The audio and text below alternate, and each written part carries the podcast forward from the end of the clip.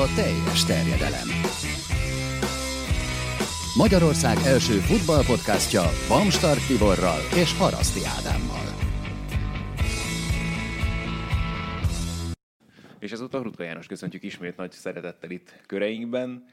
Nagyon sok mindennel fogunk foglalkozni azt hiszem a mai adásban, de mielőtt belevágnánk, van nagyon sok minden egyéb mondani valónk is. Először is itt a szokásos ügymenet majd egy picit akad a jövő héten, nem a válogatott mérkőzések miatt, hanem ugye Tibi megint hányadik maratonodat tervezed lefutni most?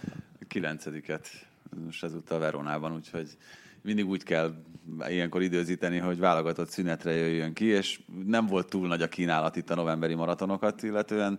Itt logisztikai és egyéb szempontokat is figyelembe kellett venni, úgyhogy ezért jött ki erre. Aztán, ami még nagyon fontos, hogy viszont, amikor visszajövünk, akkor ezt úgy tervezzük, hogy lehetőségünk lesz veletek is találkozni majd, mert hogy november 25-én a Bazilikánál az adventi vásáron mi is tiszteletünket tesszük, majd közösen a Lesen vagyunk podcast tagjaival, vagyis Monc Attilával és Szeri Mátyással. Mindenkit várunk szeretettel, akinek van kedve november 25-én délután 4 órakor. Kint Így van, a... egy órás műsorral jelentkezünk. Teljesen élőben, ugye a Magyar Labdarúgás napján, elsősorban magyar témákkal, úgyhogy tényleg várunk mindenkit nagyon nagy szeretettel, akinek van kedve csatlakozzon hozzánk, és a Lesen vagyunk a srácokhoz. Úgyhogy azt gondolom, hogy egy nagyon érdekes esemény lesz, és még mindig, mielőtt belevágnánk az aktuális témákba. Csupa szolgálati közleménye jelentkezünk. Ugye szeretnénk segíteni, itt ugye beszéltünk már többször is arról, hogy ha olyan ügy van, akkor a teljes terjedelem mellé áll szívesen. Itt most az Amigos alapítvány gyermekeket segítő, animáló, kórházi ágyon fekvő gyermekekkel foglalkozó alapítványról beszélünk. Nekik lehet utalni egy bizonyos összeget, és hogy ennek miért van köze a focihoz, meg a teljes terjedelemhez. Akik így döntenek, hogy utalnak erre, azok között egy Real Madrid messz, nem is akármilyet Raúl által dedikált Raúl meszt sorsolnak ki. Trompos Ádám állt ennek az egész kezdeményezésnek az élére, és minden részletet megtaláltok majd a teljes terjedelemnek a Facebook oldalán is. Úgyhogy ez, és még van egy. Igen, mert hogy van megint... Egyrészt van egy új ajándékkönyvünk, ugye egy Kilian Mbappéről szóló könyv fog hamarosan Ami most jelent, hát azt hiszem, hogy talán most jelent meg, és egyrészt a Gabó kiadónak, másrészt pedig Bántibi kollégánknak köszönjük, aki a magyar fordítást intézte, és kaptunk belőle egy tiszteletpéldányt, amit nagyon szívesen kisorsolunk köztetek, és ki is találtunk egy játékot, hogy mivel lehet megnyerni. Arra tippeljetek itt majd az adás Facebook posztja alá, hogy hány percnyi játékot követően fog legközelebb Kilian Mbappé gólt szerezni bármilyen hivatalos tétmérkőzésen. Benne van a válogatott is. Így van, úgyhogy egy számot várunk ide. A Rudi első tipp? Na, hétvégén. Úgyhogy ezért is letippelni, illetve van egy gyanúm nekem, hogy szerintem tartozunk még valakinek könyvvel, mert hogy vannak még itt a polcon régi gabós könyvek, úgyhogy aki úgy érzi, hogy nyert nálunk, és nem kapta meg, kapta meg a könyvét, az mindenképpen jelentkezzen itt a Facebookon, és majd az természetesen a maradékot is kisorsoljuk majd, mert nem maradjon rajtunk meg. Természetesen senkit nem akarunk megfosztani az ilyen jellegű örömöktől, meg hát jön a karácsony is, úgyhogy na, de akkor tényleg vágjunk bele. Itt a hosszas közlemények után az elmúlt hét eseményeinek. Köszönjük szépen, hogy eljöttél, Rudi. Kezdjünk a bajnokok ligájával, már csak azért is, mert Tibinek a hét egyik legizgalmasabb mérkőzését sikerült kifognia itt a Borussia Dortmund és az Internacionále találkozóján. Amiben nekem az is meglepő volt már, hogy ennyire versenyképesnek bizonyult a második félidőben a Borussia 2 0 Milánói vezetésnél. Én azt gondoltam, hogy itt innen nagyon pláne látva a Borussiának itt az utóbbi heteit visszaút nem lehet, de hát aztán beszállt megint Paco Alcacer, óriásit fordult a BVB játéka a szünetet követően, ennyi lett volna itt a megoldás? Hát nagyon jó szakértőkkel dolgozik a Spiller TV, mert hogy a szünetben valaki megmondta, hogy ott lehet a legfőbb probléma az Inter védelmének bal, a Dortmund támadójátékának jobb oldalán. Hát ö, én nekem, amikor én kevesebb látom a Dortmundot teljes egész meccsen élőben, de amikor látom őket, akkor mindig meglep az, hogy Akimi hogy nem képes mondjuk a Real Madridban nem csak, hogy, hogy ott maradni a keretben, hanem hogy akár a kezdőbe beverekedni magát, hogy nagyon-nagyon jó játékosnak tűnik. Lényegében most persze nagyon leegyszerűsítve a dolgot, tehát ő verte meg a, az Intert. Igen, én mindig jót mosolygok, ugye, mert a Gundi szokta mondani, hogy a szakértők és a műsorvezetőnek ugye a feladata annyi, hogy elmondják, hogy mi fog történni a mérkőzés előtt, vagy felvezetéseként, bocsánat, és akkor utána megmagyarázzák, hogy miért nem az történt a mérkőzés után. De vannak kivételek, amikor így néha eltaláljuk mi is, hogy, hogy mi történhet. Hát ez a mérkőzés ez volt. És hát valóban azt látni lehetett, hogy hogy a Dortmundnak a jobb oldala Sanchoval és Akimivel az kifejezetten erős volt. Akimi azért ugye a bajnokligájában már letette a névjét, ugye rúgott két gólt, és akkor ugye picit előrébb játszott támadóként, most ugye a sérüléseknek meg az átalakításnak köszönhetően jobb hátvédet játszott, és hát ott az Internek a bal oldal az eléggé meg volt fogva az ő semlegesítésükkel, és nekem sokkal inkább az volt a meglepő, hogy hogy az Inter, aki a bajnokságban is nagyon jó teljesítmény nyújt, itt is egy parádés első félidőt, ugyanezt láttuk tőlük a Barcelona ellen is, lefocizták a Barcelona, az nyugodtan kijelenthető az első félidőben, és a másodikban mégis jön egy ilyen törés, és teljesen más arcukat, egy megnyert mérkőzést engednek ki a, a kezükből, és hát nagyon nehéz helyzetbe hozták magukat a csoportba. Hát meg itt igazából szerintem, ami ami a legérdekesebb az egész sztoriban, az a meccs élete. Tehát az, hogy Conte a mérkőzés utáni sajtótájékoztatón neki megy annak a Márottának, aki odavitte őt az Interhez. Ez több, mint érdekes. Hát, tehát ugye nem Contétól érdekes. hát, igen, nem, nem, nem ilyenkor szokott még, még neki menni a, az őt alkalmazó csapatnak. Tehát ugye, hogyha valaki esetleg lemaradt volna erről a nyilatkozatról, elkezdte azt mondani, hogy na hát most akkor tessék, mindenki látja, hogy ilyen vékony a keretünk, ennyi emberrel nem lehet két fronton harcolni, és tehát értem, meg valahol érteni vélem azt, amit mond. De azt nem teljesen fogom föl, hogy az a Brozovic, aki egyébként szerintem életet formáját futja, idén ö, meccsek óta látszik, hogy tompa, fáradt. Tehát, hogy, hogy nem tudja, főleg a meccsek második felében kihozni azt, amit... Ezt meg te mondtad a közvetítés alatt. és, és ugye ő volt az, aki elveszítette azt a labdát. Ez az egyébként pont egy ilyen koncentrációs hiba volt, ami a fáradtságból adódik, amikor Alcacer elpöckölt előle a labdát szerintem. Az, hogy Brozovic az elmúlt hat meccsen 540 percet játszott, az, az szerintem nem, nem fér bele egy Bolonya ellen tudjon már 30-35 percet pihenni, meg, meg, meg egy Verona ellen is akár. Tehát, hogy, hogy szűk a keret, de én nem gondolom azt, hogy ezt nem lehetne egy kicsit jobban forgatni. Szakmailag én úgy érzem, hogy meg talán ezt tapasztalatból is mondhatom, hogyha egy-egy ilyen ember fáradt, és valóban arra hivatkozik, hogy nagyon sok percet játszott, és látszik a játékán, hogy talán ráférne egy kis pihenő, akkor azt mondom, rendben van, de hogy itt csapatszinten mondtak csődöt, már másodszor ugye a bajnokok ligájában, és lehet, hogy ami mondjuk a bajnokságban elcsúszik eh, néha, és ezeket a periódusokat átvészelik, meg nem olyanok talán az ellenfelek, addig a bajnokok ligájában nyilván itt már kiélezett harc van, és mindenkinek kell nagyon az a, az a három pont, és itt csapatszinten mondanak kudarcot, amiben egy picit nyilván az edzőnek a szerepe is mindig megkérdőjeleződik, hiába próbálunk hát, másra mutogatni. Abszolút, és úgy, hogy egyébként Kontét meg úgy ismerjük, mint aki hú, a végletekig hajtja a csapatát, és, és nincsen pihenő, és nincs megállás.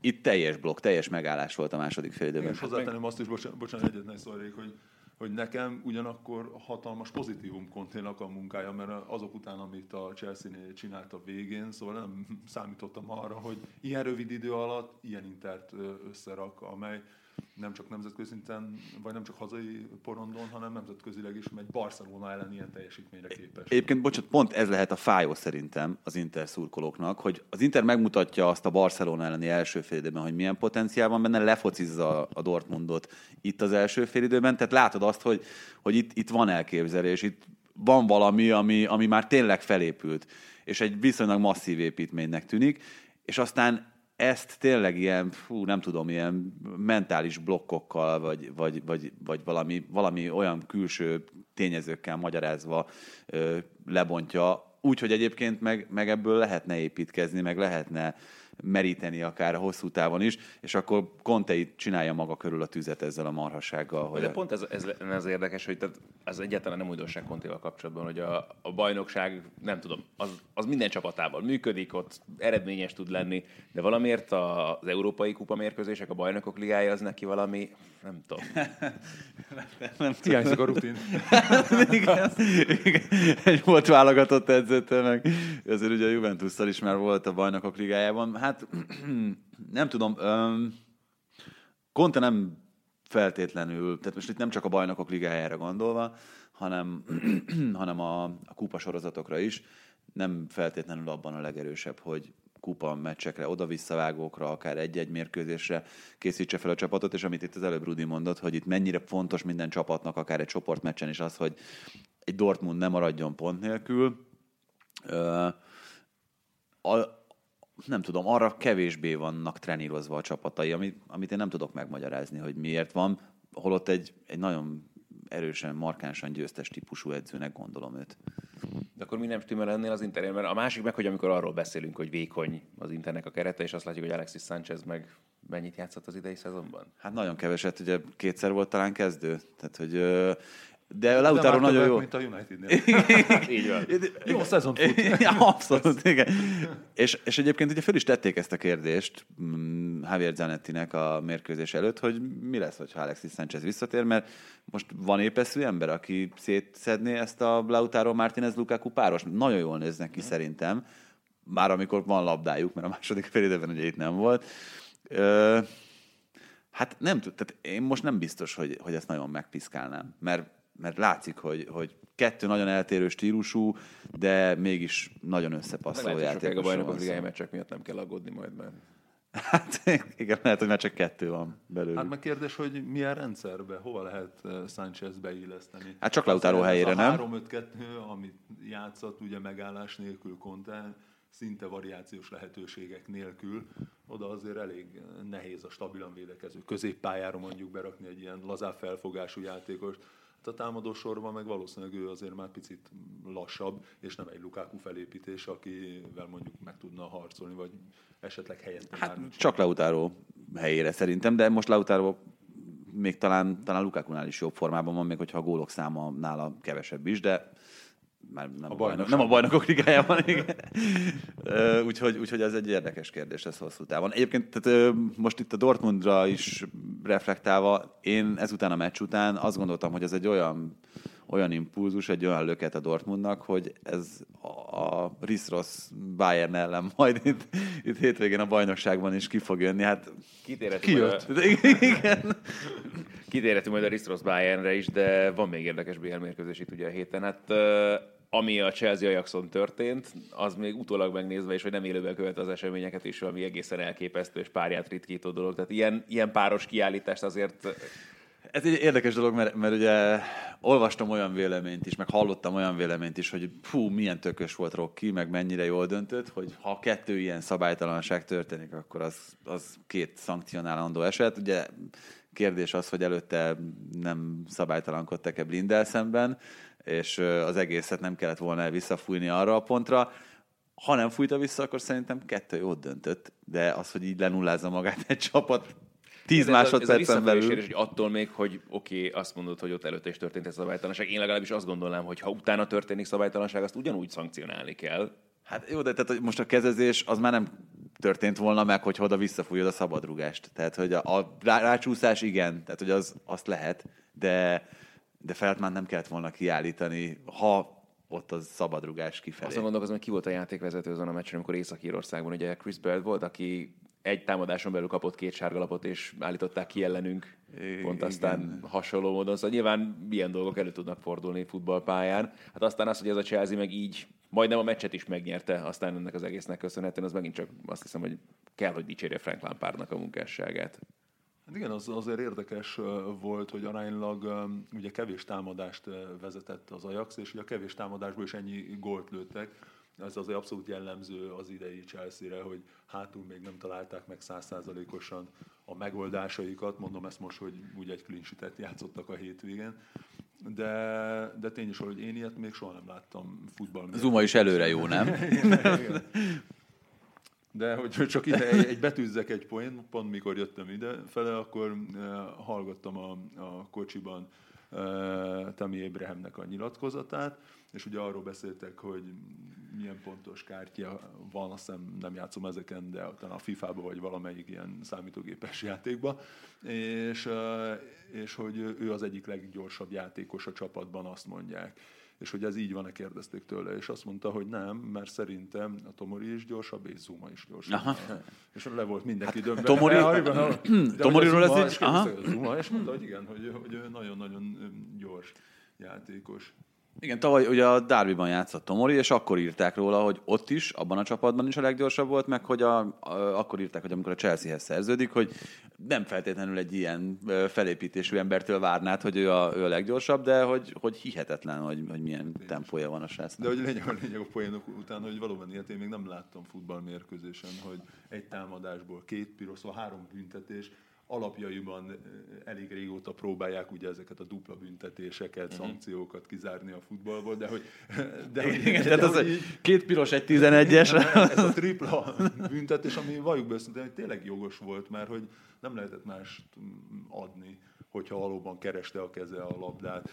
A Blinnek a szabálytalanság egyértelmű második hát sárga. Az, hát az, az ott szerintem lehet, hogy elsőre piros, tehát hogy az a mhm. becsúszás, ahogy ott ment Blind, az igen, viszont utána, utána, amit meg ugye nem láttunk pontosan, és szerintem percekig néztük még mi is a stúdióban, hogy a Chelsea idézéles győztes góljánál mi történt, tehát kinek a kezére pattant, vagy hova pattant, mi volt, mert ott meg ugye semmi ilyesmi nem látszott. Azért a varral kapcsolatosan szerintem fogunk még hát ebben Nem csak ebben, ez az egész bajnokság van, annyi érdekes ítélet van, hogy hihetetlen. Hát igen, nekem fix a idejám, de akkor lehet, hogy térjünk majd vissza akkor, amikor az angol eseményekről beszélünk, hogy pontosan a varral történő szerencsétlenkedés is azt mutatja, hogy korábban sem az volt a... Tehát azokkal van a probléma, akik kezelik meg, akik részt vennek ebben az egészben, tehát az angol játékvezetők, mint olyan, na de tényleg erre térünk majd vissza a későbbiekben.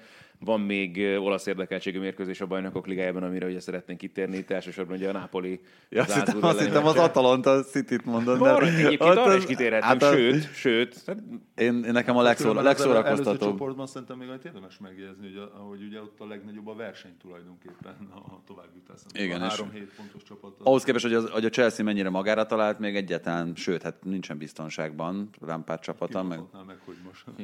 ki fog tovább jutni. Igen, de tehát ez a, ezen az Atalanta city hát én, én sírva röhögtem, amikor, amikor de, de az volt az egészben a jó szerintem, hogy nem volt meg a helyzetnek az a drámaisága, amitől, amitől az ember úgy, úgy egy kicsit izgul, hanem mindenki látszott, hogy ez már egy ilyen felszabadult valami, a Citynek a továbbjutása nem forgott veszélyben, az Atalantának sem, és, és ott abban, abban a helyzetet, hogy Gasperini röhögött a kis padnál, ahogy a játékosok, amikor becseréltek Walkert, ugye hát arról, arról a pillanatról beszélek, meg hát ahogy egyrészt, tehát az egy, az egy nagyon vicces jelenet volt, hogy hárította azt a szabadrugást.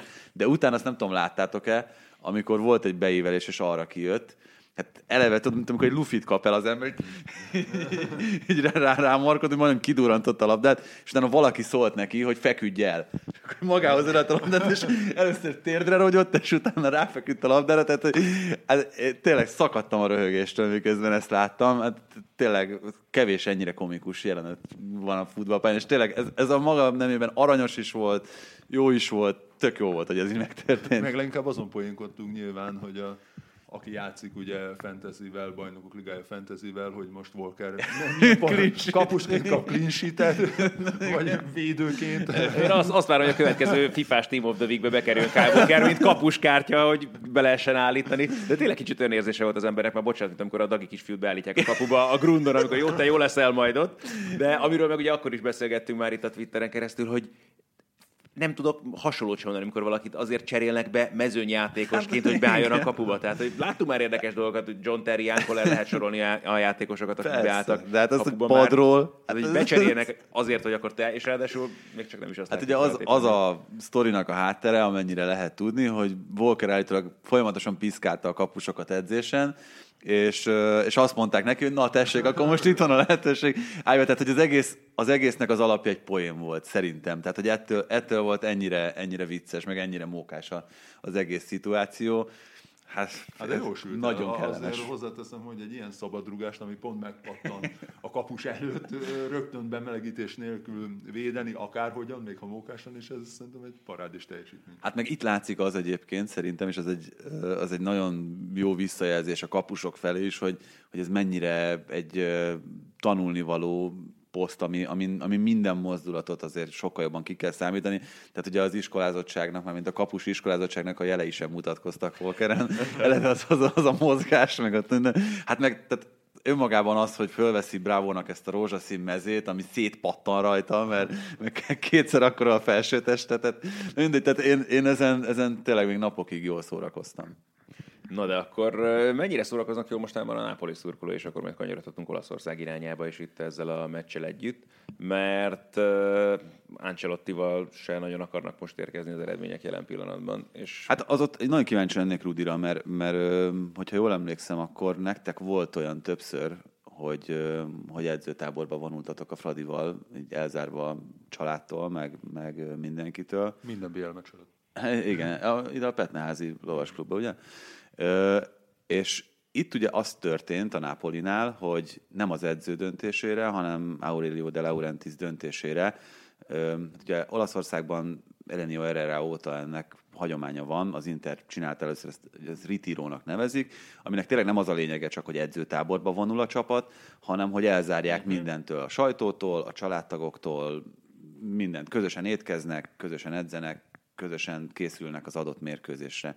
Ugye ezt erre rá ö, vasszigorral bevezette a, a Grande Internél annak idején, és ezt nagyon sokan átvették. És eddig ehhez az eszközhöz nagyon ritkán nyúltak a Napolinál, már csak azért is, mert a Napoli abszolút nem az a karakterű klub, amelyiknél, amelyiknél ez jellemző lett volna. hát meg Ancelotti se arról híres, Meg, így van. nagyon És vaskalaposan kezelni a pont. Pontosan. És ugye Ancelotti el- már eleve a sajtóban kikelt ez ellen, a Bajnokok Ligája meccs előtti sajtótájékoztatón. Azt mondta, hogy ez nem az ő döntése volt, nem is ért vele egyet, és ugye miután nem nyert a Bajnokok Ligája mérkőzésen a, a Napoli, ezt meg akarta hosszabbítani a hétvégi meccsig De Laurentiis, és fogták magukat a játékosok edzővel együtt, és hazamentek. Ami, hát ez nagyon nehezen elképzelhető, hogy ennek van, van értelmes megoldása innentől kezdve, mert, mert hogyan tudja az elnök kezelni ezt a helyzetet úgy, hogy nem válik közben nevetségessé, hogyan tudják a játékosok Már az edző. Hát igen, szóval ez, ez, ennek, ennek nincsen fájdalommentes megoldása szerintem. Hát és akkor pláne aztán az újabb döntetlent látva a bajnokságban. Hát, és ráadásul azt a játékot látva, tehát, hogy ez a, ez a Napoli, ez most, most mentálisan olyan szörnyű állapotban van, hogy nyilván ezekre a dolgokra visszavezethető. Na bocsánat, csak itt ezzel kapcsolatban, hogy, hogy kíváncsi lennék a játékos pszichére ebben a helyzetben. Eleve szerintem az egy nagyon rossz dolog, hogyha egy sportvezető ennyire beavatkozik a csapatának az életében. Nyilván, hogyha ő kinevez egy szakvezetőt, egy vezetőedzőt, akkor azt azért teszi, mert Főleg egy olyat, mint Ancelotti. benne, és hát az ő feladata a versenynaptár összeállítása, az edzések kialakítása, a heti program kialakítása, csapat összeállítása, stb. stb. Hát, hogyha itt alapjában megkérdőjeleződik a bizalom egy szakvezető iránt, és ennyire bele akar valaki szólni, akkor hát miért nem küldje el az edző? Szóval e- ez már egyiknek sem jó. Az, hogy bármi kijön esetlegesen Angelotti részéről is a kettőjük között zajlott beszélgetésből, és ő olyanokat nyilatkozik, hogy ez nem az ő döntésem, ez sem egy egészséges dolog, sokkal jobb lenne ezeket nyilván a négy fal között megbeszélni. Én arra emlékszem játékosként, hogy egyetlen egyszer, picit így improvizálva, egyetlen egyszer volt olyan, hogy nagyon hideg volt Magyarországon azon a télen, amikor elmentünk edzőtáborba, azt hiszem Izraelbe voltunk pont Novák Dezsővel és a Ferencvárossal, két hétig, ugye itt nem lehetett edzeni, használatlanok voltak a, a pályák, és már kint kaptuk a, a hírt, hogy hát az időjárás nem igazán akar jobbra fordulni, úgyhogy kintről, még mielőtt hazaérkeztünk volna, már szólt Novák Dezső, hogy hát még két hetet akkor lefoglalni. Hazajövünk, egy hét itthon, és még két hétre elmegyünk. Vagy egy nap itthon, és még két hétre elmegyünk. És hát az olyan feszültséget okozott már maga a tény és a tudat, hogy az ember nem lehet a családjával, minden, azért nagyon sok játékosnál kisgyerekek voltak, minden szóval, és nem is bajnoki mérkőzések között volt, de de arra emlékszem, hogy ez a feszültség ez odáig tetőzött, hogy kimentünk Spanyolországba, akkor még nem volt olyan sok külföldi a, a csapatban nyilván, de hogy a legelső nap, amikor arról volt szó, hogy jó, délután valami szabad program lesz, akkor akkor elkezdték a külföldiek, ugye Zoráné, Kopunovics, Kuntics ugye megmondani, hogy mit csináljunk, hogy hova menjünk, és annyira bepipultak ezen a magyarok, hogy mit irányítanak itt a különben. Szóval annyira az élére volt járatva már minden, hogy, hogy jött a, a délutáni edzés, és direkt úgy választottuk be magunkat, lenne a tengerparton volt foci, hogy, hogy külön választottuk a külföldieket, a magyarok irányították a választást, és le kellett fújni 5 perc után a játékot, mert mindenki ilyen. mindenki térmagasságba csúszkált a homokba. Na, szóval, hogy, hogy nyilvánvalóan van az a pont, ezzel csak azt akartam mondani, amikor a játékosoknak is annyira te lesz a feje, hogy főleg nem az vannak, ahhoz vannak hozzászokva, hogy ők állandóan edzőtábor vannak, állandóan külön készülnek, megvan a saját ritmusuk, nyilván profi játékosokról beszélünk, amikor egy, elkattan egy vezető, és akkor na most akkor edzőtábor éjjel-nappal, hogy ez sehova nem vezet, csak ide, hogy öt mérkőzés óta képtelnek nyerni. Meg ez pontosan azt mutatja, hogy ez az a helyzet, amikor ugye olyas valaki a sportvezető, aki a sportban, mint olyanban nem mozog otthonosan, és nem volt hasonló helyzetben, ilyen szinten aztán abszolút. Hát hogy a drámaisághoz ért, mint, mint, mint filmproducer. De hogy, tehát ez az, amikor nem látsz bele, hogy hogy működik egy közösség, hogy működnek a játékosok, és miképpen reagálnak bizonyos szituációkra, és a legkellemetlenebb, hogy ezek szerint a saját játékosaidba sem látsz bele, vagy nem ismered hát, őket ilyen szinten. Ebben az az érdekes, hogy ez uh, szerintem már-már precedens nélküli a De Laurentiis éra alatt is, tehát hogy itt a 2000-es évek közepén vette át a, a klubot, még amikor, amikor a harmadosztályban sínlődött a Napoli, és úgy hozta föl, hogy, uh, hogy kompetens szakmai irányítókat választott folyamatosan De Laurentiis. Mindig túlértékelte a saját szerepét, ezt azért tudni kell vele kapcsolatban. Mindig azon röhögtünk, hogy azért nem sok olyan elnök van a világon, amelyik oda megy a, és beáll a játékosok közé, amikor érem átadás van, és ő is szépen oda lebiccenti a fejét, hogy nekem is akasszák a nyakamba az aranyérmet az olasz kupa döntőben. Ezt ő megcsinálta, meg, meg tehát, hogy ő azért tipikusan ez a, ez a dél-olasz magát borzasztóan szerető és egyébként nagyra tartó üzletember. És a Rivalda fénytől nem visszariadó. És, és hát igen, nem, nem, nem gyűlöli a Rivalda fényt. Szóval ez mindig benne volt, de és én azt gondolom, hogy itt ezt is egy ilyen teátrális gesztusnak szánta, hogy na, akkor most én megmutatom a hatalmamat és az erőmet. Átlépett egy vonalat, amit nagyon-nagyon nem szabadott volna neki, és ami a Nápolival kapcsolatban szerintem egy nagyon fontos tény, most már hosszú évek óta, hogy onnan játékos csak úgy ment el, hogyha a játékos el akart menni. Tehát olyan nem volt a Nápoli történetében, amióta De Laurentiis a, a főnök, ugye ő azért tegyük hozzá egy Olaszország egyik leggazdagabb embere, és egész, egészen jól megfizeti a, a játékosokat, nem véletlen, hogy, hogy viszonylag nagy sztárokat is tudott ott tartani hosszú éveken keresztül, Cavani-val, Lavezzivel, most ugye Alánnal, vagy éppen Kulibalival kapcsolatban ez, ez elmondható. És ő, ő mindig elmondta, hogy aki itt szeretne maradni, annak meg fogja adni azt a fizetést, az itt jól fogja magát érezni. Ugye Hamsik annak idején kapta sorra jobb szerződés ajánlatokat más kluboktól, mégis maradt.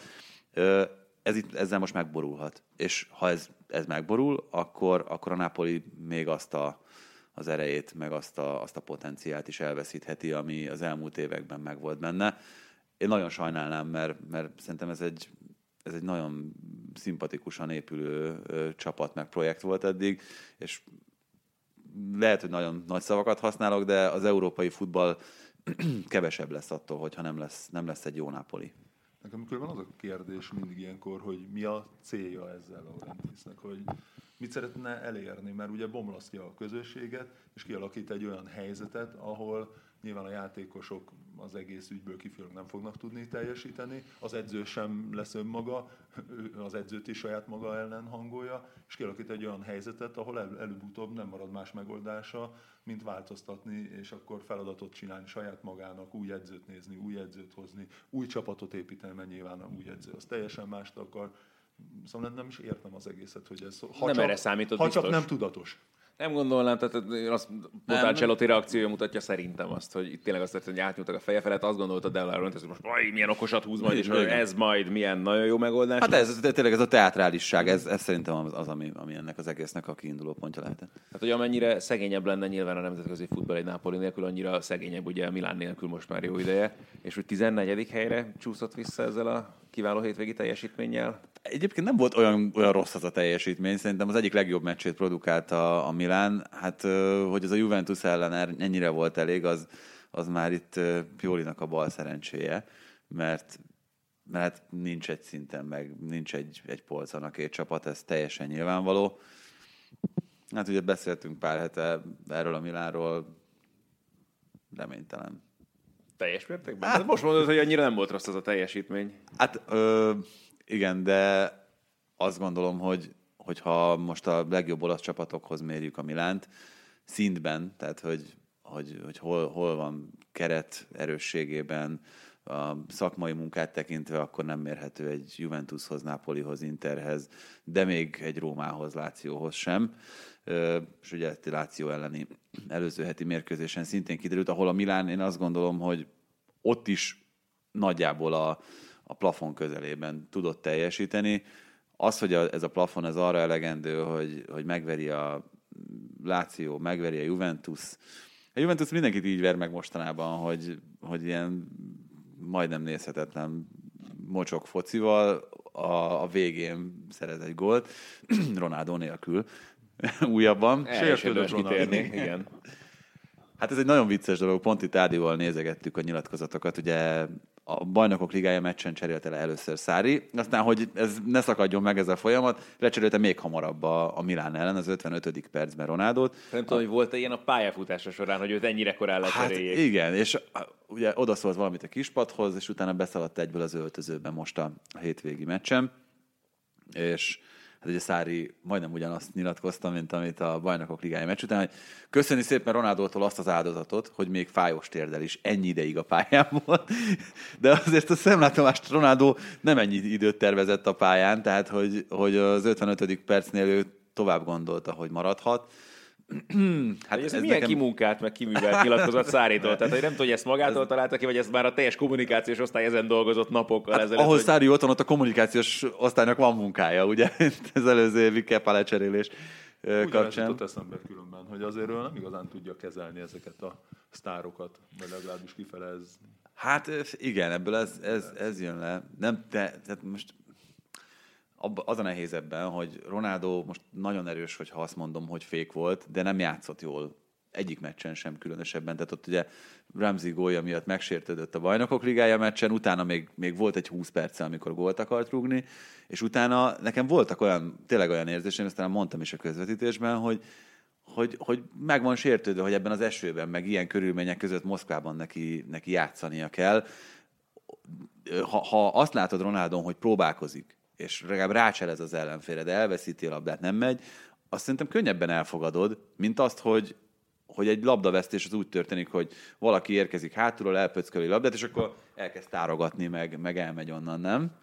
Igen, most átkanyarodtunk egy picit Ronaldóra, meg a Juventusra, a Milánról, de arról is beszéltünk pont a bajnokok ligája kapcsán, hogy Ugye volt a 9. egygólos győzelme Szári csapatának, hogy, hogy milyen futballt eh, játszik. Nyilván nehéz rajta egyelőre ugye fogást találni, mert nem kapnak ki egyszerűen. Hát sőt, nyernek. A, sőt, nyernek, és hozzák a pontokat minden fronton, de maga a játék, amit mutatnak, ez hosszú távon, ez biztos, hogy nem egy fenntartható történet szerintem, és ebben a, ebben a sztoriban Ronaldo sem találja helyét, de hozzáteszem, a többi csatár sem, meg senki nem találja, mert olyan antifutballt játszanak, amit e, e, egyszerűen szerintem tényleg csak az eredmény az, amely szépét tud varázsolni egy picit, és most is az, hogy az utolsó 15 percben verik meg ezt a, a Milánt, ez is sok mindent elmond azért a, a teljesítményükről. De visszakanyarodva egy szó a Milánra, hogy én azt néztem meg pont, mert számomra mindig ez a kérdés, hogy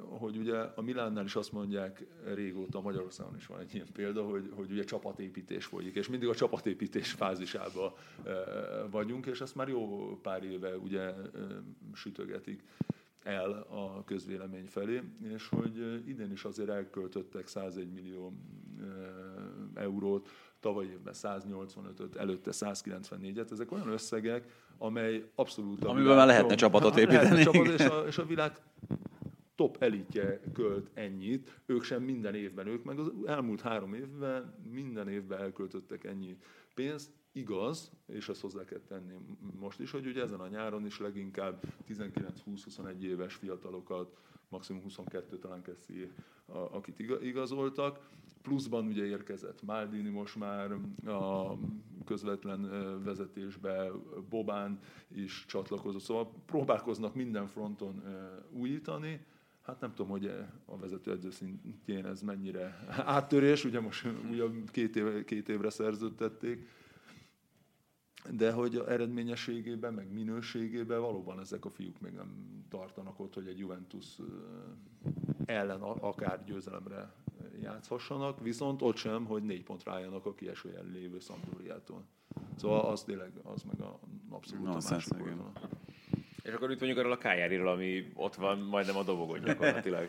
Hát um, ugye itt nem akarom magunkat fényezni, de mondtuk, hogy a Kajári az a szezon egyik meglepetés csapata lehet. Tehát ugye Marán nagyon jó munkát végzett, korábban a Kievónál is, és ott nem feltétlenül ilyen célok voltak.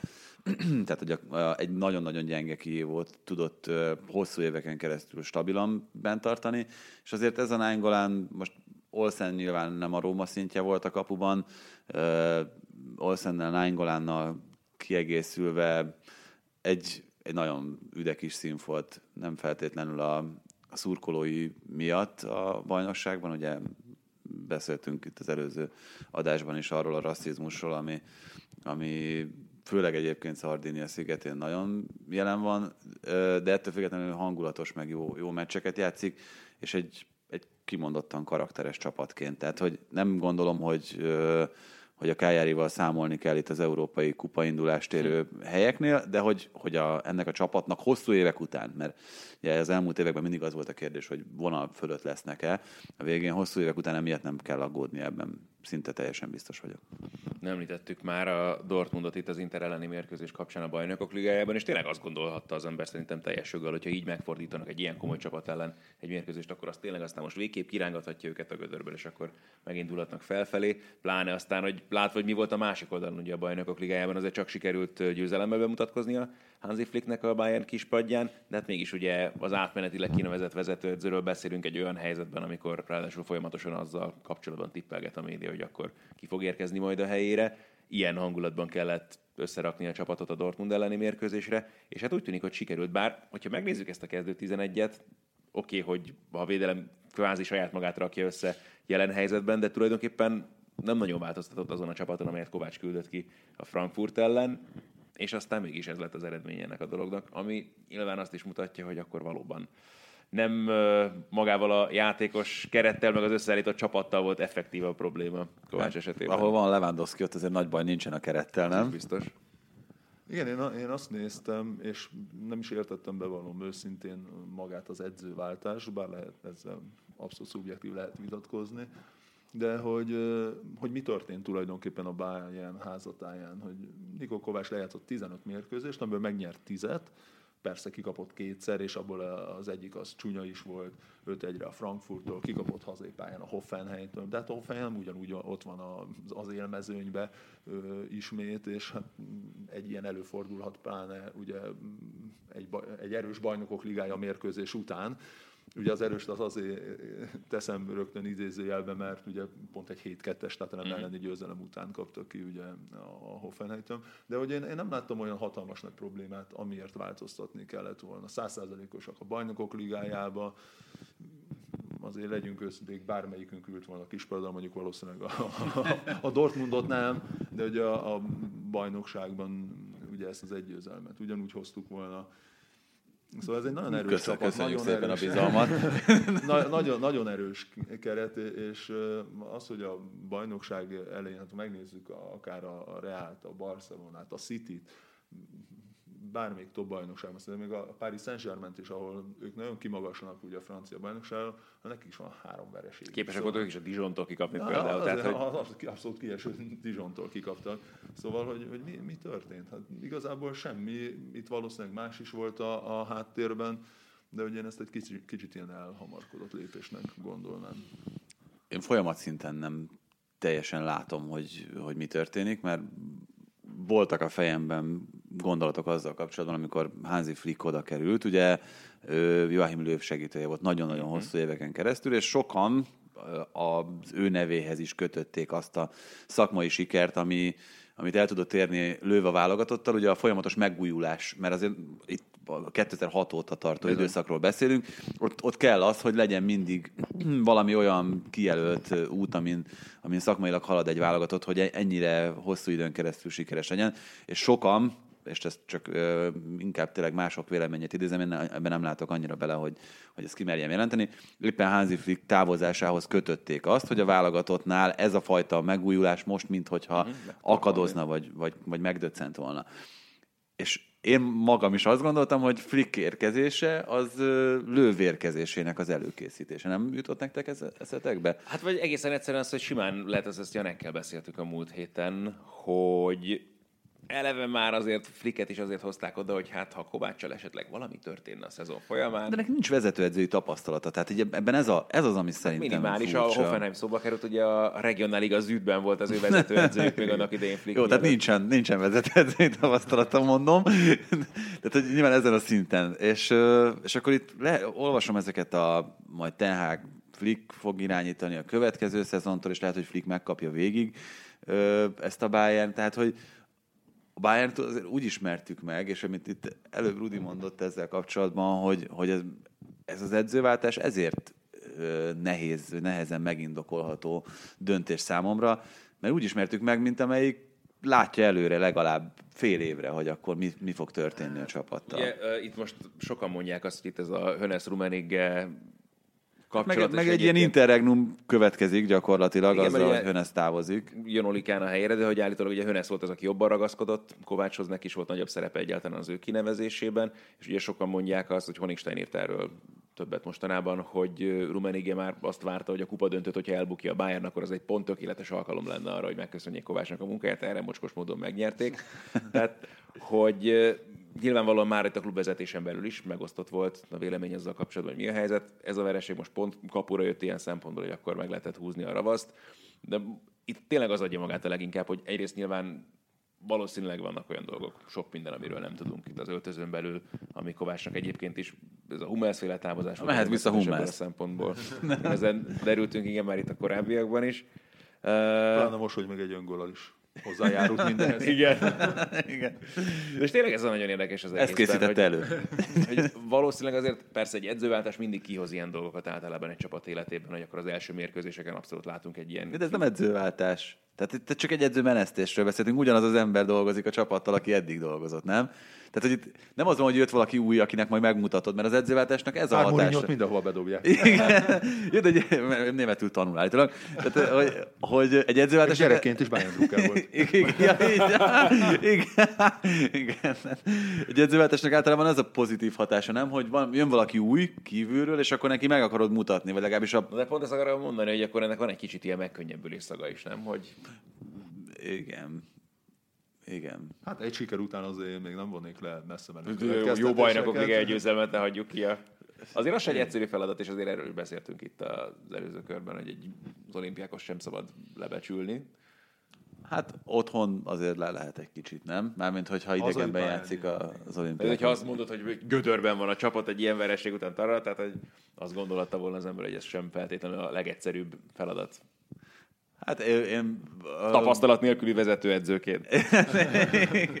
Nem, hát az olimpiákot többször láttuk már, és szinte mint hogyha két különböző csapat lenne idegenben, meg hazai pályán. A hazai pályán egyébként nem is játszottak rosszul a Bayern ellen, különösen a második félidő nézett ki nagyon jól. Itt azért szerintem nem, nem volt ez annyira nehéz feladat a Bayern szintjén, és hát pláne úgy nem, hogy itt ugye beszéltünk arról, és szerintem Lewandowski most is meg kell énekelni, és nekem az a, az a csodálatos ebben, a, ebben az emberben. Hát az az első gól. Hát nem, nem csak az, hanem az, hogy van, van valaki, aki, aki nem messzi Ronaldo, Azár, mert hogy, hogy ugye ők most pont Azárról olvastam egy, egy hosszú cikket, tehát ők már mindegyik ilyen 16 évesen világsztárnak volt kikiáltva, és ó, ő lesz a következő csillag, meg nem tudom. És hány ilyen emberről, hány ilyen játékosról tudunk. Lewandowskiról még a 20-as évei közepén is csak azt gondoltuk, hogy egy, hát egy egészen jó csatár. Tehát amikor Dortmundban volt, akkor, akkor úgy, úgy azt mondtuk, hogy na ott van a 20-30 legjobb között ezen a poszton. És most annyira nyilvánvalóan és egyértelműen a legjobb, uh-huh. mostanra, a, a 30 éves korára, hogy, hogy, hogy ez, ez, ez valami egészen hihetetlen, hogy, hogy hogy lehet valaki ilyen formában, ilyen önbizalommal, egy picit, és... hogy azért tolódnak ilyen szempontból is a határok a futbolistáknál, tehát fiziológiailag is, hogy azért látjuk, hogy meghosszabbodik a labdarúgó pályafutása is az utóbbi években, és abszolút ez lehet az az időszak Lewandowski életében sem, amikor abszolút a csúcson van. Tehát most ért valószínűleg a teljesítmény. Én ezt inkább Ronaldo effektusnak hívnám, hiszen azért Lewandowskiról is lehetett látni, és szerintem ennek köszönhető, hogy a képességei azok, azok mindig megvoltak. De ez, ez, ez az biztos volt. ez a felépítése, ami most van, ez viszont nem volt meg. És, és pont ugye láttam vele is egy interjút, és lehetett egy-két fényképet is most már látni róla félmeztelenül, szóval az a munka, amit Ronaldo is csinál éjjel-nappal, az a elhivatottság, mhm. minden ennek abszolút tökéletes példája és megtestesülése ugye Lewandowski is, hogy mennyit dolgozik külön, mennyire odafigyel minden egyes aspektusára a futballra, mennyire az étkezésére, a plusz edzésekre, a testére. Szóval mindenre, és rajta is lehet látni, hogy de tényleg szobrot nem lehetne szebbet csinálni, mint a, amilyen felső testtel mondjuk ő, ő rendelkezik, és ennek köszönhető az is, hogy, hogy azok a játékosok, including me, aki, aki mondjuk 30 évesen már elfáradt egy picit ugye a saját karrierjében annak idején, azok most már sokkal jobban odafigyelnek magukra, sokkal több segítséget megkapnak a háttérből, teljesen más kiegészítőket tudnak igénybe venni, sokkal nagyobb személyzet dolgozik mögöttük, és hát tudják kitolni ugye egyre inkább az évet azáltal, hogy odafigyelnek magukra. Szóval látva ezt a Lewandowski-t én nem tartom kizártnak, hogy akár még három-négy éven keresztül is Simán. ezt tudja hát hozni. Persze, hát most van a csúcson. Nekem és ez... mondom, bocsánat, a bajnok ligájában volt a megdöbbentő, hogy az olimpiákhoz elleni gólya, hogy amikor és ott azért legyünk őszinték, ott azért nem játszott jól a Bayern, szóval azt nem lehet azt mondani, hogy ott brilli rosszak, sőt, szerintem kifejezetten rosszul játszottak, de a semmiből így is jön egy belőtt labda, amit senki lehet, hogy el se érne meg minden, ő belerakja a lábát, ráadásul a jobb lábát, ami abból a szögből képtelenség is kapuba találni, és, és pont azon az egy centin a kapus és a kapufa között bemegy a labda. Szóval olyan százalékban használja ki a lehetőségeit, hogy ez félelmetes, és a, és a gólhelyzet nélkül is gólt lő. Igen, csak ez, ezen az a furcsa, hogy ez, amit mondasz, ez szerintem sokkal kevésbé tanulható, és, és ez eddig nem volt ennyire nyilvánvaló, hogy ő, ő ilyen, hogy aki, akinek tényleg a füléről is most nyilván ad is neki a gép, de ebbe, ebbe ehhez meg az is kell, hogy ha valaki most akkor az önbizalma csúcsá lehet, az nyilván Lewandowski. Tehát egy ilyen szezon kezdet után... Hát persze, meg ott kell lenni, tehát hogy az, hogy, az, hogy ő hogyan érkezik, hogy, hogy mennyire nem tudják elnyomni őt, azok pont ebből fakad. Egy, ha itt Ronaldo effektusról beszélünk, ez nem tudom, mennyire lett Robben meg Ribéry effektus, hogy azért az öltözőből kikerült ugye két meghatározó elem a Bayernnél, és az igazából nem csak most ugrik be, hogy nem tudom, hogy ez például az ő saját önbizalmát például mennyire dobhatta meg, mert ugye egyértelmű, hogy vezérnek kell lennie ebben a Bayernben, és akkor ki lenne most, ha nem ő a főnök az öltözőn belül. Igen, egyébként most még annyi jutott eszembe, miközben Rudit mondta a tökéletes felsőtestet, meg hogy, meg hogy mennyit dolgozik ezen Lewandowski, hogy Douglas Kostával jelent meg egy interjú még múlt héten, és ő mondta azt, hogy meg kéne nézni, hogy a Juventus keretének a testzsír százaléka hogyan alakult Ronaldo érkezése óta, mert mindenki olyan felsőtestet akar, mint Ronaldo. úgyhogy, úgyhogy ennek köszönhetően az edzőtermi munka is egészen szépen megnőtt azóta, mióta, mióta ott van a csapatnál. De így csak 55 perccel elegendő. Igen. Igen. Jó, de tehát, hogy, hogy ez egyébként, ha arról beszélünk, hogy mi áll Hansi Flick rendelkezésére, meg hogy Lewandowski mit jelent a csapatnak, és ugye egy pont ez a, ez a vezérmotívum, ami, amit te is pedzegetsz, akkor ez, ez egy olyan alap, amire, amire azért a Bayern szerintem is még hosszú éveken keresztül tud építeni. Azt azért ne felejtsük el, hogy ugye számomra volt egy megdöbbentő tény, és picit áldozata is ennek az edzőváltásnak, ugye a Coutinho volt. Mhm. Azért vele is ritkán fordul elő, hogy ilyen biztonsági tartalékként becserélik az utolsó pár percre, és hát nem is tetszett neki. Az rá volt írva.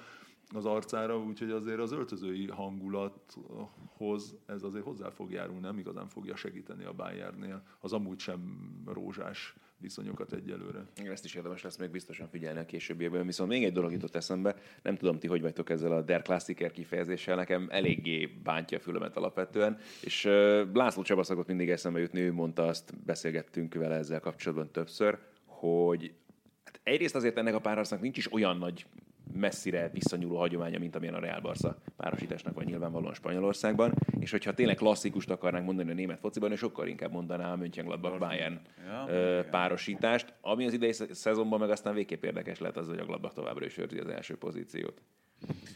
Hát ez mondjuk nyilván ez a Der Klassiker. Ez egy műszó, tehát ez... Hát ez ugye a, a Der Klasszikónak az áldozata. Persze. Minden országban, tehát azért minden országban rájöttek arra, hogy, hogy valahogy, vagy néhány meccset, vagy legalább egyet ki kell emelni a, a többi közül, mert különben kevésbé vagyunk eladhatóak, főleg külföldön, mert nyilván egy németnek nem kell magyarázni, hogy, hogy ez mitől nagy meccs, meg hogy ez mitől jó, de ahhoz, hogy ez mondjuk egy ilyen nemzetközi brand legyen, ahhoz kell a Der Klassiker kifejezés. Majd ugye Angliában, hogyha beszélünk az ottani két csapat rivalizálására, ott is valami hasonló zajlik, mert a City-t meg a Liverpoolt azt hogyan tudod most így. Na mindegy. Szóval uh, itt visszatérve az eredeti kérdésre, én a Gladbachot keveset láttam ahhoz, hogy megítéljem, hogy ők hosszú távon igazán uh, versenyképesek lesznek-e, de... Most nem is feltétlenül erre gondoltam, hogy egyébként tényleg csak itt a kifejezésnek a etimológiája. Ja, azt hittem egyébként, hogy mert, mert, mert, mert, a porosz derbi, meg a másik, Aha. ugye, hogy a két Borussia, a Dortmund meg a Mönchengladbach,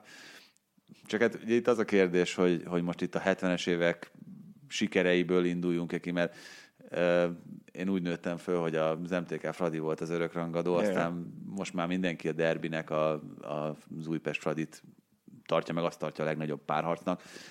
Én úgy emlékszem, hogy gyerekkoromban, hát nem tudom, hát Rudi, mond, mondja te ebben, de autentikusabb vagy, nagyobb mesnek számította az MTK meg a Fradi közötti. Hát azért már szerintem te gyerekkorodban nem.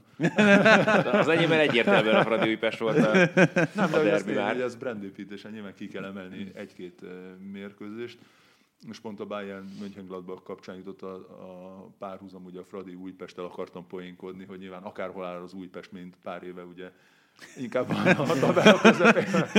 Akkor is derbinek hívjuk, hogyha, hogyha nem érnek el eredményt, és hát ugyanez vonatkozik nyilván egy Bayern Mönchengladbachra is. Az, hogy a, a Dortmund és a Bayern volt az elmúlt időszaknak a két legsikeresebb csapata, nyilván ezért próbálnak ebből a mérkőzésből is valami csak, nagyon szépet csinálni. Ez csak az, tényleg az, hogy mi a derbi, pont az jutott eszembe, amikor a Fradi ugye a másodosztályban volt, és ugye éveken keresztül nem láttuk pont emiatt Fradi Újpestet, hogy emlékszem, hogy véletlenül láttam egy női Fradi Újpestről összefoglalt, és csak az, hogy megláttam, hogy jön neki zöld-fehérben, meg lilában a játékos, és ott már így, így ment felfelé a pulzusom, hogy na igen, hogy azért tényleg ezt jelenti egy derbi.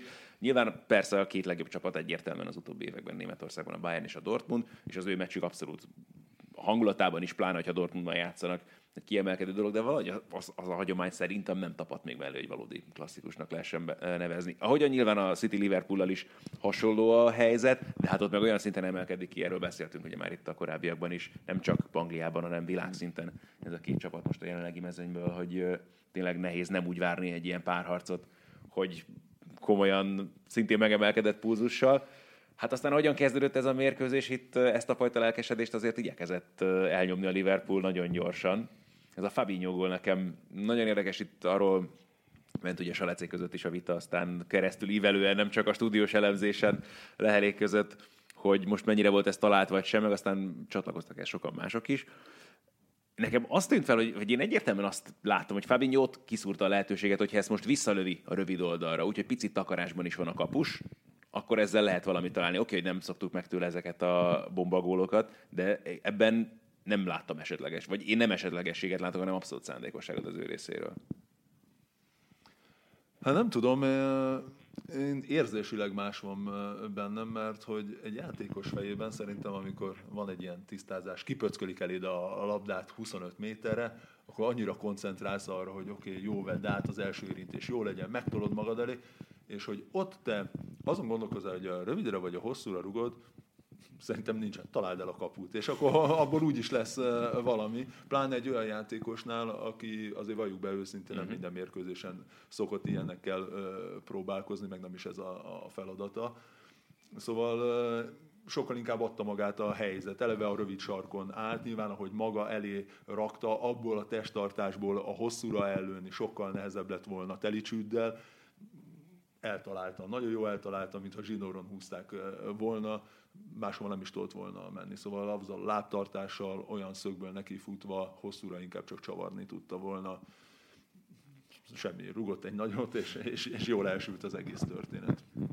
Nem volt benne. Vagy én előzetesen egyáltalán nem vártam azt tényleg, hogy itt pláne az, hogy negyed óra után két gólos hátrányban legyen a City. De hozzáteszem, bocsánat, hogy azért én nyilván ilyenkor mindig a kapus felelősségét is azért előszedem egy picit. Ha, ha Volker kellett volna. igen, igen, igen, igen. Ha onnan nézzük, akkor azért mégis csak a rövidre kapta a gólt.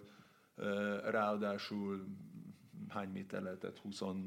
23-4-5 méter, szóval nem, nem is az, hogy a 16-osról fél magasan, ahova aránylag azt mondják, hogy hamar oda is ér a, a, a kapus, nem is takarásból jött a lövés, szóval onnan azért egy, ezen a szinten egy sztárkapus, még akkor is, ha nincsen meccsrutinja az elmúlt időszakban sok, az ne kapjon gólt szerintem. Ederson fogta volna? Merre nem. veszi?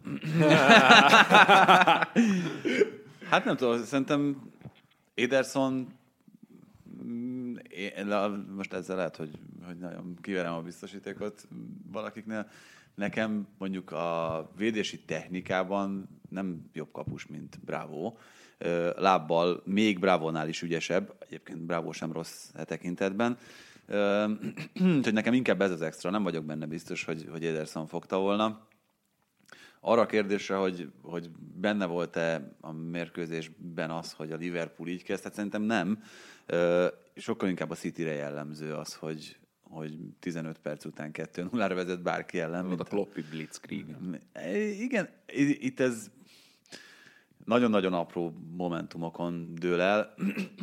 Most um, én is hallgattam egy, egy podcastot idefele jövet, és ott uh, ott azt emelték ki, hogy azzal, hogy Fabinho is gólt szerzett most, azzal tényleg végérvényesen azt mondhatjuk a Liverpoolra, hogy ott ott mindenki képes gólt szerezni, mindenki képes hozzátenni valamit a támadójátékhoz, és a City jelen pillanatban ezzel kevesebb a, a Liverpoolnál. Nem mondom, hogy ezzel maximálisan egyetértek, de, de van benne valami. Tehát az, hogy ahogyan Alexander Arnold és Robertson rendszeresen hozzátesz a támadás, hogy az, hogy, hogy Van Dijk, hogyha felhúzódik, akkor ő mindig veszélyt okoz a, a szögleteknél, oldal szabadrugásoknál, a középpályások miatt nem mondom azt, hogy ez, ez teljesen így van, mert Henderson, Fabinho, most akárki játszik ott mellettük Wijnaldum, nem feltétlenül a, a gólszerzésnek a specialistái, bár azért ugye mindegyikük szerzett már gólt a közelmúltban.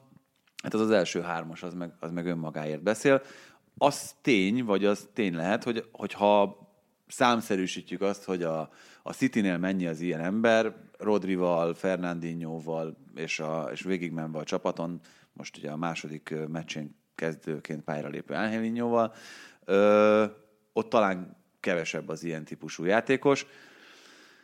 Én inkább azt nem akarok előre rohanni, de azt emelném ki, hogy a, a Liverpoolnak minden tökéletesen jött ki ebben a szezonban eddig, mint ahogy azt gondolom, hogy az is egy, egy, egy hatalmas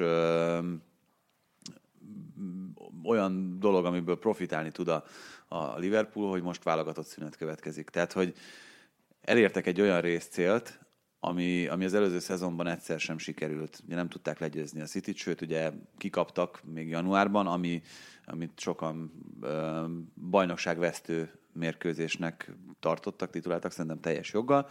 Most elérték ezt, és ilyenkor szerintem óhatatlanul be kellene, hogy következzen valami fajta olyan leengedés, hogy na, eljutottunk a célig, akkor innen, innen kéne valahogy továbbfutni. A lehető legideálisabban jön ki ez, ez most Klopp csapata számára, hogy menjen mindenki a válogatotthoz, Mané játszon Szenegálért, uh, Salah Egyiptomért, Firmino meg Alisson Brazíliáért, és akkor aztán, hogyha, majd, hogyha visszajöttök, akkor újra lehet kezdeni ezt az egészet, meg lehet nyomni egy reszetet. Én azért, azért gondolom azt, hogy a, hogy a Liverpool innen ezt nem fogja elveszíteni. Igen, bocsánat, ugye Tibi kitette dátummal, időponttal ezt a kijelentését tegnap a Facebookra, Twitterre, mindenhova, hogy szerinte innen a Liverpool nem tudja elbukni a bajnoki címet. Egyből mondtam is, hogy erre valami fogadást ki kell találnunk, úgyhogy ha megfelelő tétel kapcsolatban bárkinek ötlete van, azt nyugodtan várjuk a kommentek közé, akár a YouTube-on, akár a Facebook poszt alatt. Az észszerű keretek között. Igen, tehát, igen, valamit, tehát, hogy a fogadást azt, azt kössük is meg, hogy, tehát, hogy akkor Tibi azt mondta, hogy innen a Liverpool nem tudja elbukni mondta, a bajnoki nem? címet. Hogy elbukja? Elbukhatja. Hát ez elbu, hát Jó, ez oké, elbukhat. igen, tehát nyilván én arra fogadok, hogy akkor elbukja. Na, így van, hát akkor tökösen, akkor elbukja. Ki lesz a bajnok? Na ezt nem mondok meg viszont, pont ezt akartam mondani, és akkor egy kicsit mehetünk itt a másik érdekes heti mérkőzés irányába, hogy érdekes kérdés, hogy a Leicesterrel vagy az Arsenal kapcsolatban lesznek-e komolyabb következményei esetleg ennek a mérkőzésnek itt majd a továbbiakban. Hát az Arsenal nincsenek. Tehát, hogy ott Mindenki ezt mondja, igen. kiadták azt a közleményt, hogy száz százalékig Na, hát támogatják de jó, de ez mit jelent pláne Angliában? A vote of confidence, amit ugye rettegnek az edzők, menedzserek általában Angliában. Mi lesz ezzel az Arsenal-al? Mert egyre kevés, tehát Mi azt itt elengedtük? Hát, annyi érdekel. Nem, még beszéljük egy kicsit a Cityről, nem? beszélhetünk. Nem tudom, hogy pláne jó, mondjuk itt Guardiolának a reakciói voltak nagyon érdekesek már a mérkőzés alatt is, amik mindig kicsit olyan nem tudom hová tenni.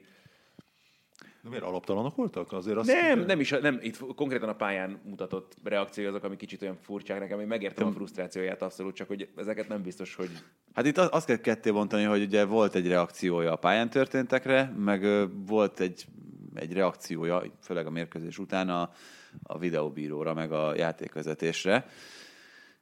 Amivel én most nem értek egyet, tehát hogy ott, ahol a kikockázott képeken látszott ez a Bernardo Silva kezezés, tehát hogy oké, okay, 11-es kellett volna adni, ha nincsen előtte a kezezős mozdulata a Bernardo Silvának, de Azt hát, semlegesíti különben?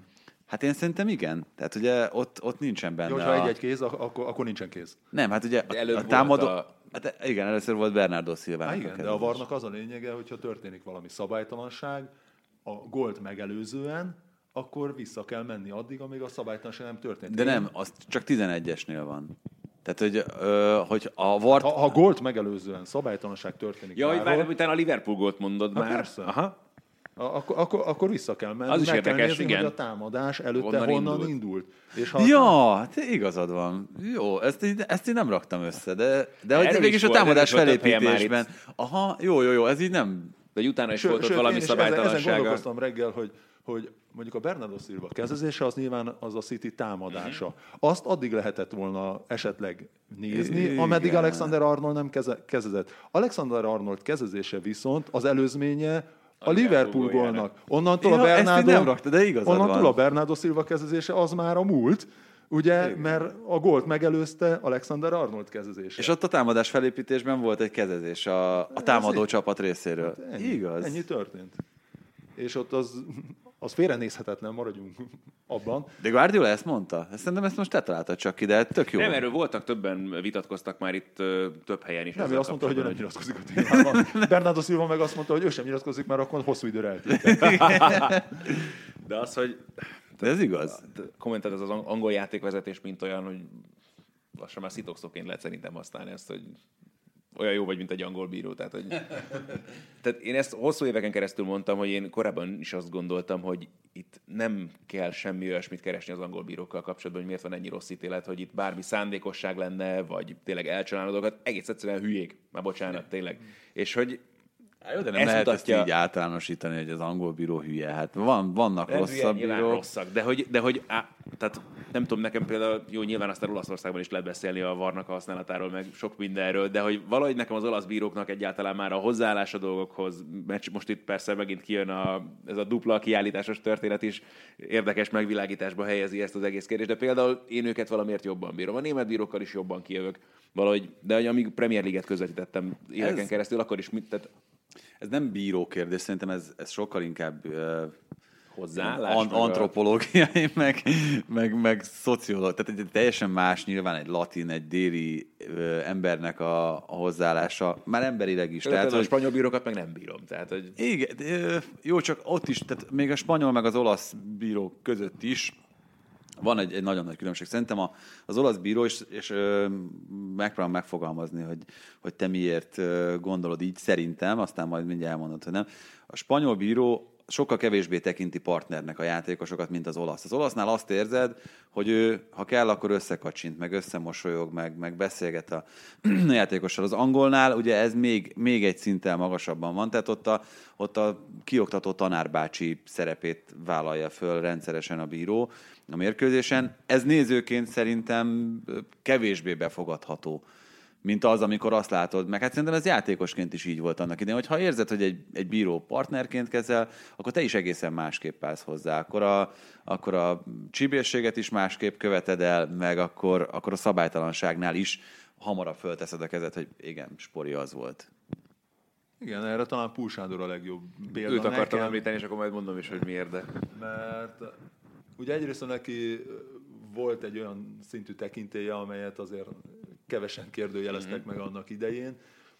Ugyanakkor meg annyira laza stílusban tudott mérkőzést vezetni, hogy lefújt valamit, ugye fel se vett semmit, még elmehettél akár a falig is a, a szídásában bármit, és akkor utána elment. Ezért nem volt rajta a kamera, oda kocogott melléd, és akkor figyelj, ez volt az utolsó, oké? Okay? Tudod, hogy miért fújtam? És, akkor elmagyaráztam, meg még poénkodott is. Következőnek én lezavarlak. És mehes elfutod. Szóval, hogy annyira jó kezelte ezeket a helyzeteket, már ilyen baráti szinten partnerként, poénokkal, iróniával, mit tudom én, hogy te érezted magad utána kellemetlenül. hogy mit vétettél a szabályok ellen? Kicsit kitérhetünk majd magyar kérdésekre, és csak pont azt akartam mondani, hogy itt a Fradi CSK meccs kapcsán említette azt az oroszoknál a kiállítást ugye a mérkőzés végén, hogy arra szerint az ég a te világon semmi szükség nem volt ott a játékvezető, ezt nyugodtan megbeszélette volna a két játékosra, és nem kell belenyúlni egy meccsbe. Nem, mint hogyha ennek lett volna jelentősége ott éppenséggel, de akár még lehetett is volna. De igen, tehát hogy ő ilyen szempontból abszolút jó kezelte ezeket a dolgokat egészen nyilvánvalóan. Abszolút, meg hát ő, ő szerintem azt a vonalat hozta pont, amit itt, uh-huh. amit itt a, az olasz bírókban pozitívumként említettél, tehát hogy ez, ez rájuk, hogyha általánosítani akarunk, akkor ez jellemző. De ha már bíróknál tartunk különben, a, pont az által említett, most gondolkoztam nagyon sokáig, melyik volt az a mérkőzés, a, a Leicester Arsenalon volt két helyzet ugyancsak, amit előtt értetlenül álltam, mind a kettő előtt ugye Genduzinak az egyértelmű visszahúzása visszalasították, ugye, hogy Szönzsit lerántja a nyakánál fogva egy beadásnál, a másik oldalon ugye ráestek a labdára, kézzel megállították, és odáig sem jutott el az egész, hogy visszanézzék. Uh-huh. Én nem azt mondom, hogy 11-es, 100 százalék, most mondjuk Genduzi szerintem az volt, de hogy még vissza sem nézik, Másik hogy, nem. meg sem állították a játékot. Tehát itt, itt, én nekem az az érzésem ezzel az egésszel kapcsolatban, hogy az angol játékvezetők a nem létező tekintélyüket féltik és így a kollegiálisan is, tehát hogy már nem is szólna, hogy hát nem, ezt nem kell újra nézni. Hát a nem létezővel nem mértek teljesen egyet, mert van tekintélyük, de azt féltik, az, az kétségtelen. Tehát, hogy azért van Szerintem az angol bírónak... Jó, csak a játékos úgy gondolkozik, nem, hogy hát úgyis ott a var, majd az izé hát ez a baj, ez a baj. Szóval az egész var, varos virággal ez, a, ez, ez, ez az én fő problémám, de én nem sokat tesz a var azért, hogy megszeressem, maradjunk annyiban. De te nem is akarod megszeretni, az a másik fele. Kevés bennem a, a, a szándék, ami ebbe az irányba, ebbe az irányba mutat, ezt bevallom, de, de hát... Hát mert rengeteg a hiba benne. Hát persze, nagyon, hogy... Vannak nagyon jó dolgok is, de ezek az egy milliméteren múló történetek. Mikor hát ezért kár megölni a, a futballt, a hogy, hogy, hogy ezeket az egy centis leseket kiszűrjük. Tehát, hogy most... Hát igen, Lundströmnak is a, ugye egy centie, hogy a pont a cipő, Hát meg igen, tehát ez a, tologatjuk ide-oda a vonalakat, az és akkor... így van, hát ez, ez a... komolytalannál nyilván, tehát ez... De hát, meg, meg, meg most, én nem tudom, tehát valószínű, hogy gondolom én, hogy ez valami olyan szoftver, hogy kiszűri, hogy melyik testrész volt legelőbb. Aha, legelőbb. Nem. nem tudom, de hát ugye ott, ahol megállították, ott a feje meg a válla még előre. Ezt imádom, a portugáloknál csinálják azt, hogy berajzolják azt a vonalat is, ami a lesvonal, meg azt is, hol a játékosnak az éppen belogó testrésze van, és akkor itt ilyen centiket húzgálnak. Meg a németeknél is ez van egyébként, hogy ezeket berajzolgatják azért nekünk. De... de abból a szempontból jó, hogy a kisfiamnak meg tudom magyarázni, hogy miért abból az ilyen vetületeket tanulják, hogy akkor ez, ez akkor ez micsoda, de hát, de hát ezen kívül, ezen kívül több pozitívumot én nem tudok ezzel kapcsolatban felsorolni, és bocsánat, tehát én én, addig, ameddig, én imádom a gólvonal technológiát, tehát csak hogy azért, hogy uh-huh. nem vagyok technika ellenes, de... Ez egy exakt valami. Igen, de ez... Hát mondjuk a franciáknál ugye ezzel is volt probléma éveken keresztül. Igen, de ez, hogy, hogy tehát eleve, eleve hülyeségnek tartom azt, hogy nem jó a kezezés szabálya, mert hogy nem lehet egyértelműen, oké, okay, egyetértek vele, de ne a kezezés szabályát módosítgassuk amiatt, mert van var, és akkor majd, majd ezzel könnyebben ki lehet szűrni miért nem volt jó ez úgy, ahogy, ahogy volt. De, de, de, tudom, mindenkivel szembe megyek ezzel, de, de nem, nekem nekem az... az, az a kezezés szabály körül, amiben az, az tényleg A kezezés szabály a les... Kralcsnak a nyilatkozattól volt, nem? Hogy ja, két, méter, két méterről hosszú végtagjaival, hogy akkor lett volna varok 50 a... kevesebb gólt jegyezett volna. Igen. Hát szóval e- ezek, ezek nekem nem, nem, nem jönnek be. De különben, ha már beszéltünk ugye a Napolinál arról, Napolinál beszélt? Ja nem, nem, bocsánat, az Internél, hogy rövid a, mennyire rövid a keret, és hogy az mire elegendő, mire nem. Így a kérdésedre is szerintem ez a válasz a Leszterrel kapcsolatosan, hogy azért ők most nyilván egy nagyon fiatal, nagyon jó felépített csapat, de hogy náluk még szerintem nincs meg a mélysége annyira ennek a keretnek, hogy mondjuk egy Cityvel hosszú távon például hát felvegyék. Jó, mondjuk a, az egy a, nagyon különleges a helyzet volt, ugye, amikor bajnoki címet szerzett a Leszter, hogy akkor is kb. Tényleg volt 12 ember, igen, igen 13. Most is ugye, ugye, a két állandó csere, ugye Barnes és Perez nem játszottak még végig uh-huh. Premier League mérkőzést ebbe a szezonban, mert, mert nincs más, ugye őket lecseréli. Hát ott ugye Uzsóa volt, akivel... Igen, hirtelen akartam mondani, hogy most láttam a Palászban, azt hiszem, na, nem fog eszembe jutni aki volt még egy standard cseréje körülbelül a középpályára, de a szélre, és aztán ennyi volt. Fázban. Albrighton meg már ezt helyére cserélgette be, és nem fog eszembe jutni, hogyha megfeszítenek se a neve, de majd erre vissza. Ezt is megírhatjátok. Ezzel felbosszantottál. Kommentek nekem, nekem sem. Na de akkor viszont tényleg egy picit szóba került már a Fradi, akkor mindenképpen, ha már Rudi itt van velünk, róluk is érdemes beszélni. Azért azt gondolom egy kicsit, mert lehet úgy is nézni nyilván ezt a CSK elleni döntetlent, hogy akár több is lehetett volna ebből a mérkőzésből, meg úgy is, hogy azért abszolút, ha valaki a sorsolás előtt azt mondja, hogy négy pontot szerez a Fradi két meccsen a CSK mellett, akkor aláírjuk azonban, azon nyomban maximálisan egyetértek vele, bár nyilván a legelvakultabbak ugye azt mondták, hogy hát ezt is simán meg lehetett uh, volna nyerni. Sőt, a Ludogorec ellen is hány helyzetünk volt. Szóval minden meccset meg lehetett volna nyerni nyilvánvalóan eddig a csoportban, de szerintem ez az öt pont még nem is azt mondja realitás, hanem ez már ez túl van azon, és valóban ha négy pontot mondanak a sorsolás követően a Fradinak a CSK ellen, szerintem mindenki, még Rebrov is azonnal aláírta volna, hiszen azt azért jelentsük ki, hogy, és ezen senkit nem bántunk meg szerintem, hogy a CSK, ha most lebontjuk játékosokra, mindenre, az egy jobb csapat jelen pillanatban, előrébb tartanak. Az, hogy,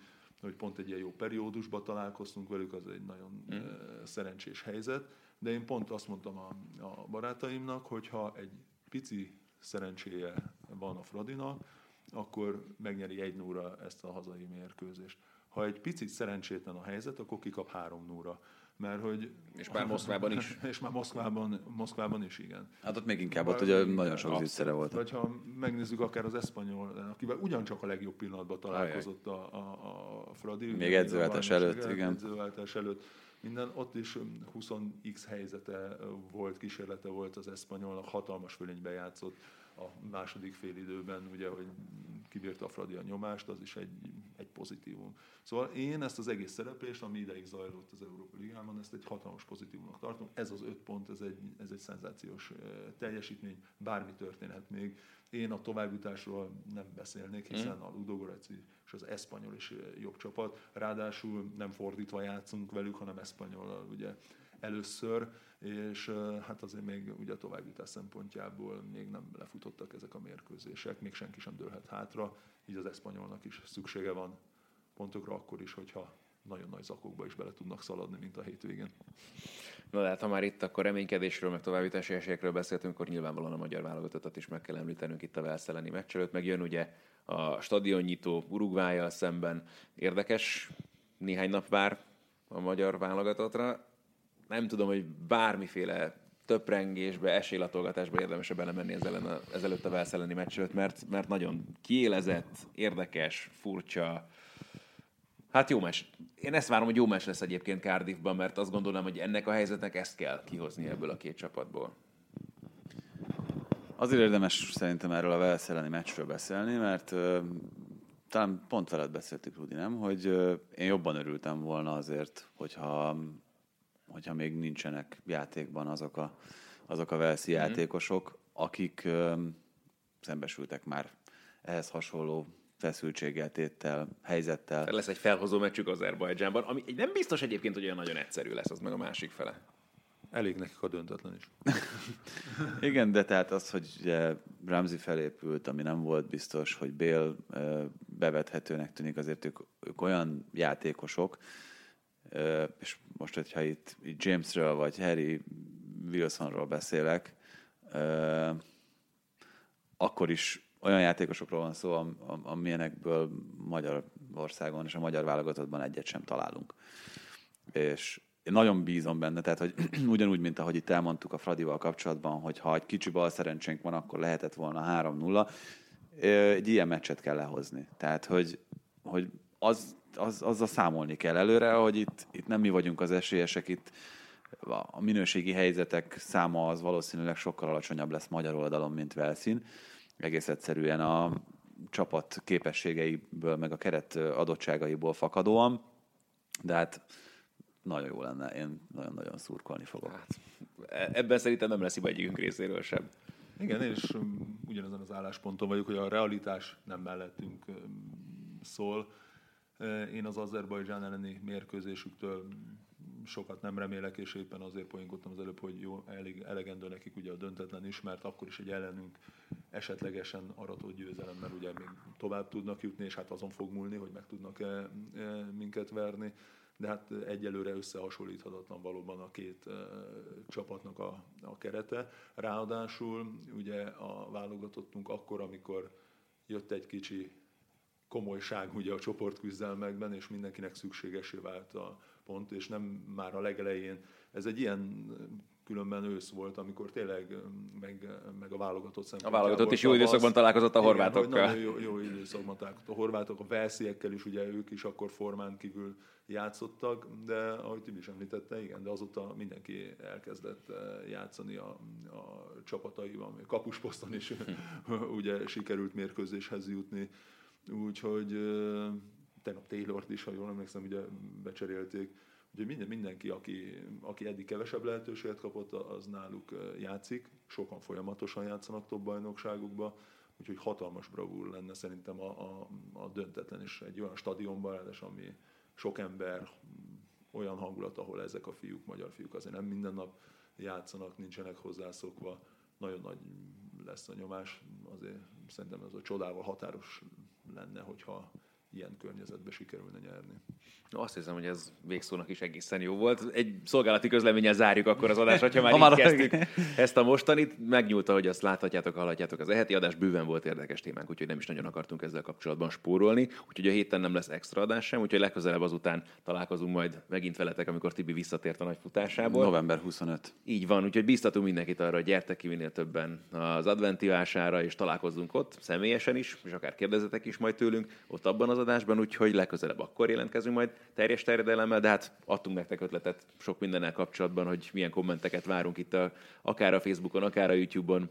Igen, ne felejtjétek az Mbappé játékot, mikor szerez gólt legközelebb Kylian Mbappé, és itt benne vannak a válogatott mérkőzésben pályán töltött percek is. És adakozzatok az Amigosznak, jön a karácsony, úgyhogy azt hiszem ez tökéletes időszak arra, hogy akár ilyen dolgokkal is foglalkozzon az ember. Rudi, neked nagyon szépen köszönjük, Köszönöm hogy itt voltál velünk, nektek pedig a figyelmet. Sziasztok! Sziasztok! Ez volt a teljes terjedelem. Magyarország első futballpodcastja Bamstark Tiborral és Haraszti Ádámmal.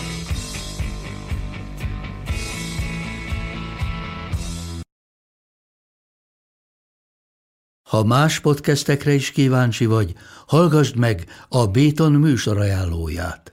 El tudod képzelni, hogy a podcastet, amit éppen most hallgattál, fél év múlva már a mesterséges intelligencia generálja? Mi sem. De ha érdekel, eljötte már a gépek lázadása. Hallgass bele az Embertelen podcastbe. Orsós Lajos vagyok, a műsor házigazdája. Egyelőre még élőben. Egyelőre. Fedezzük fel együtt, hogyan ismerkedik, randizik, mesél és vitatkozik Betty és Péter, két teljesen mesterséges intelligencia. Lajos, a podcast címét mond még egyszer, Léci. Oké. Okay. Embertelen podcast. Ez a műsor a Béton közösség tagja.